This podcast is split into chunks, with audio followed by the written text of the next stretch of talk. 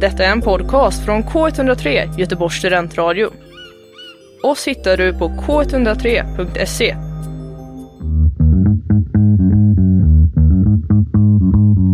Det onormala normala med Mia Svensson. Ja, nu har jag hamnat på en flygplats.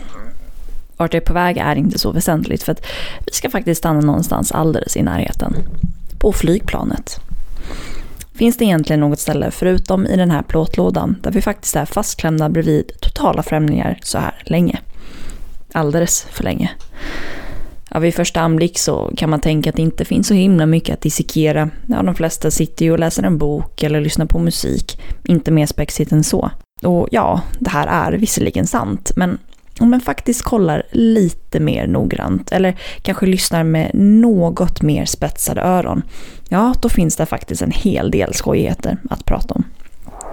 Plattan i mattan, nu flyger vi.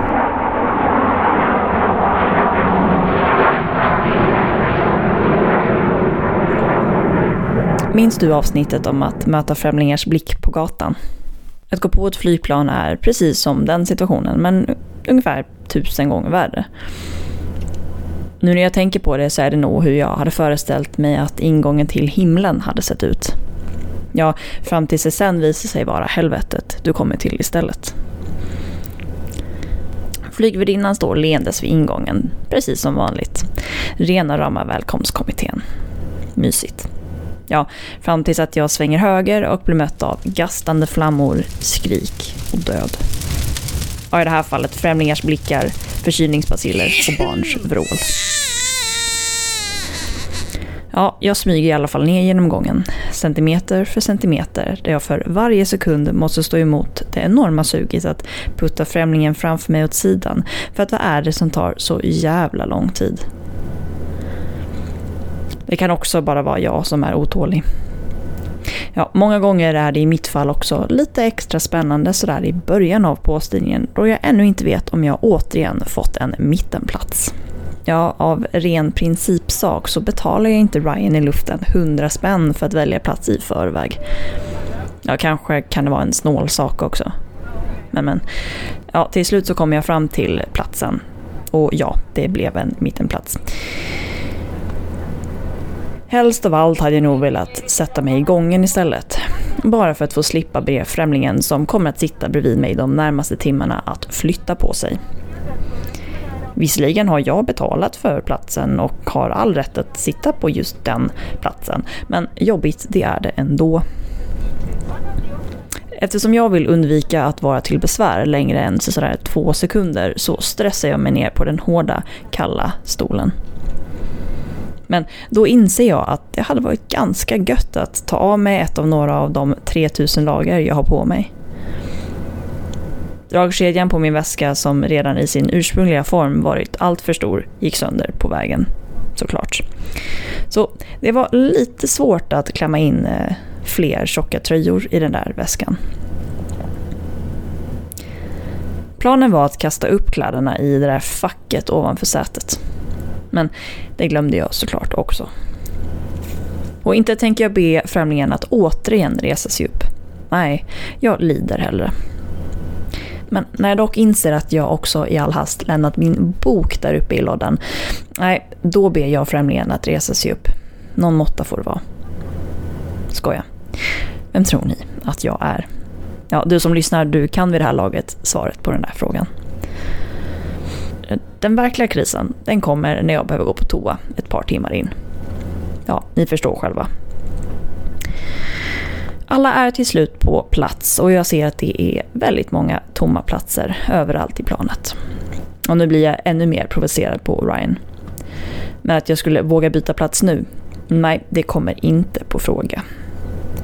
Eftersom jag befinner mig på ett flygplan så bestämmer jag mig därför att ta till fågelperspektivet.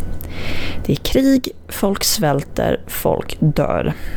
Jag kan nog klara av att sitta i denna stol i ett par timmar. Men om det är någonting som jag inte klarar av så är det mikrofonerna på flygplanen. Vill de egentligen att vi ska lyssna på säkerhetsinformationen eller inte?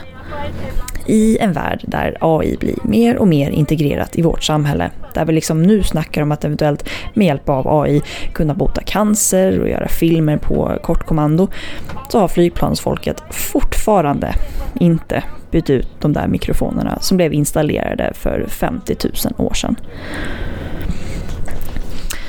Trots det här så tar jag varenda gång förväntansfullt ut mina hörlurar ur öronen för att förhoppningsvis höra hur långt det är kvar tills vi är framme.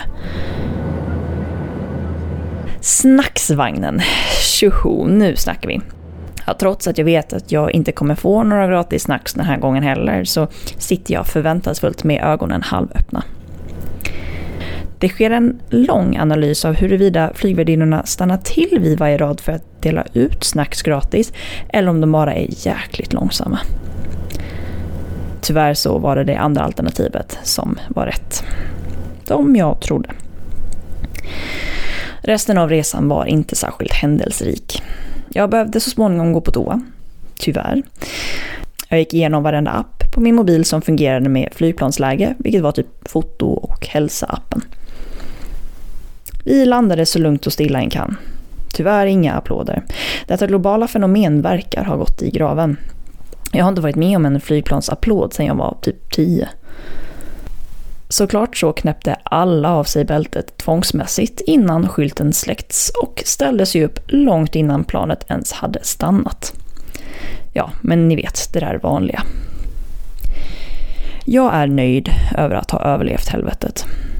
Trots att jag vet att det är otroligt mer riskfyllt att åka bil eller ja, bara promenera än att flyga så gör jag alltid ett litet lyckoskutt när jag vandrar ut genom plåtlådan efter den långa färden. Visserligen med bara ena halvan av min själ kvar, men i alla fall med hela livet i behåll. Du har lyssnat på Det onormala normala med mig Mia Svensson. Har du någon fråga eller åsikt? Följ podden på Instagram, Det onormala normala.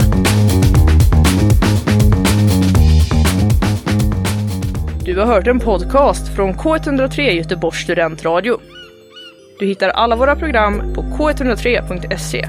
Följ oss på Facebook eller Instagram. Vi hörs!